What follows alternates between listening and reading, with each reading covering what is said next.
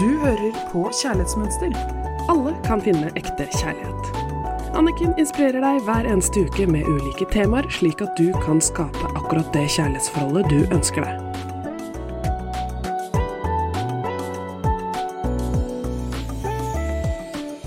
Hei og hjertelig velkommen til Kjærlighetsmønster her i studio med Anniken Lien Mathisen. Og jeg er så glad for denne nye podkastserien som vi skal ha hver uke et nytt tema og en gang i måneden en spennende gjest. Forrige uke var det Bjørg Toralsdottir. Det var veldig hyggelig. Og nå de neste ukene skal vi gå gjennom tre spennende temaer. Jeg gleder meg sånn til at det skal være deg og meg sammen her. Og i dag skal vi gå gjennom et veldig aktuelt tema som handler om snillhet. Hva betyr det å være snill? Så vi tar opp tråden litt da fra forrige uke. Det som er viktig, det er jo å se på at når du er snill mot deg selv, så vet du din egen verdi. Og hva betyr egentlig det? Jo, at når du er i kontakt med egen kjærlighet og vet at du er verdifull, så tar du helt andre og gode og snillere valg mot deg selv. Så la oss se på det litt nærmere sammen. I dagligtale så blir jo ofte ordet snill ofte forstått som noen som er hjelpsomme og vennlige.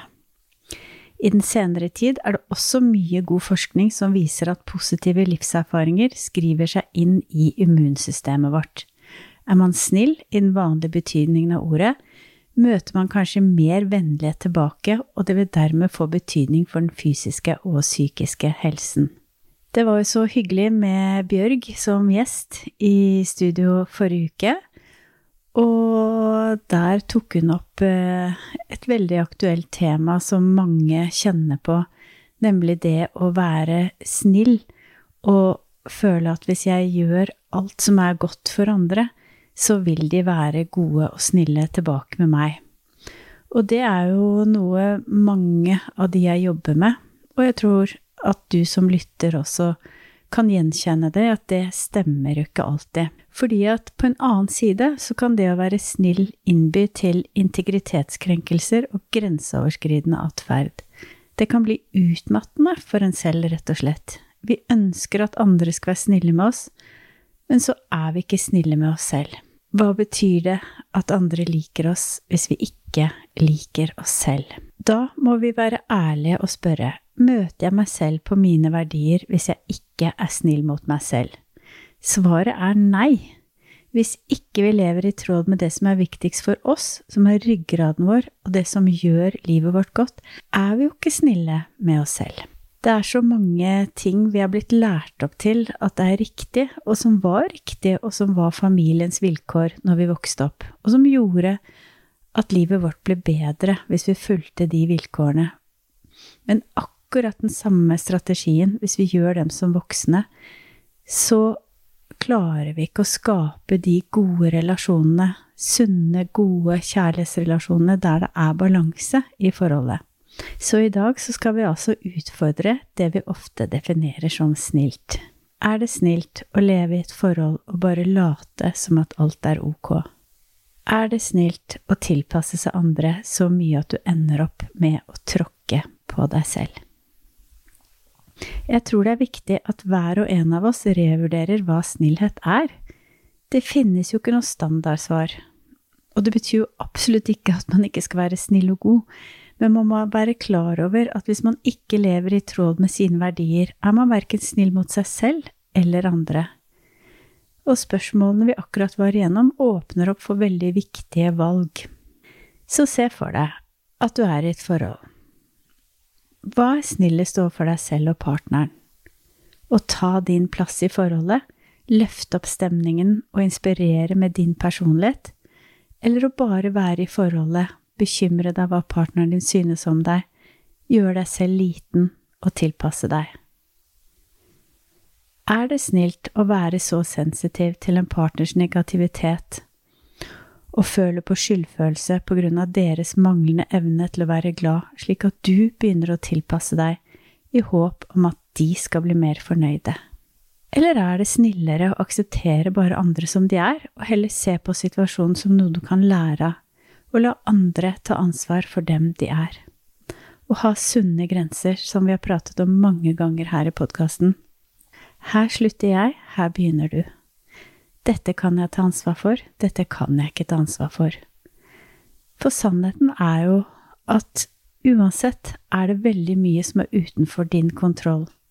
Og det er egentlig bare oss selv som kan ta det valget at vi vil ta ansvar og ha et godt liv, og ta gode avgjørelser for oss selv. Og ofte så tror vi at hvis vi tilpasser oss, gjør alt for en annen, så vil de bli gladere og få det bedre inni seg. Men jeg jobber med mine klienter med det her, og så ser vi på de menneskene hvor de har vært snille i sine øyne, tilpasset seg, prøvd å gjøre alt for at den andre skal ha det veldig bra, men allikevel ikke fått den godheten og respekten tilbake, så ser du at det mennesket har jo ikke blitt noe gladere, da har de ikke noe bedre inni seg. Og da er vi jo tilbake til det som er essensen av det hele, at det er bare én person som kan begynne å ta ansvar og gode valg for seg selv, og det er deg. Du kan lære andre om glede ved å være i kontakt med din egen glede. Og dette gjør du ved å prioritere å møte deg selv på dine kjerneverdier. Fyll dagene dine med det som gir deg glede. Si gode ting til deg selv, så du kan kjenne på at du er verdifull og bra nok. Vis deg selv respekt.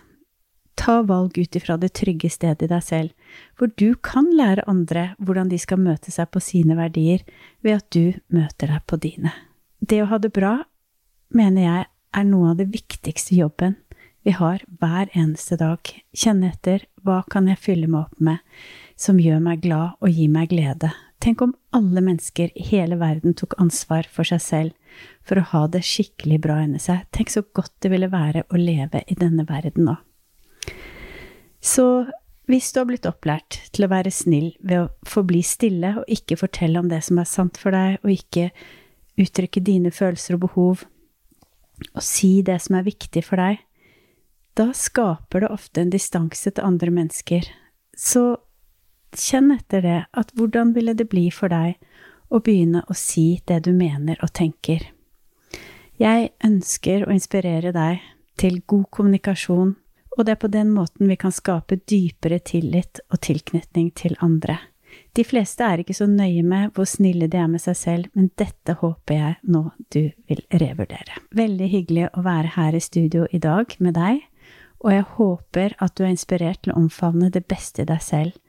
Når du er snill med deg selv, vet du din egen verdi, og da har du så mye mer å spre til alle andre. Og for å bruke Bjørg Toralsdatters fine bilde med et champagnetårn, hvor du er det øverste glasset, og så fyll deg selv med masse kjærlighet, og så flyter det over til alle andre rundt deg.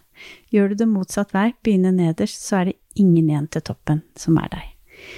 Så ukens oppgave, det er å reflektere over hva legger du i ordet snilt, og hva betyr det å være snill for deg? Jeg ønsker deg en nydelig helg, og gleder meg til å ta opp neste tema neste uke sammen med deg, og gjøre denne indre jobben slik at du kan få en god relasjon til deg selv, for det er jo bare når vi har en skikkelig god relasjon til oss selv, at vi kan skape verdens beste kjærlighetsforhold. Du hørte akkurat podkasten Kjærlighetsmønster. Hvis du vil ha flere tips og triks, gå inn på kjærlighetsmønster.no, eller følg Kjærlighetsmønster på Instagram.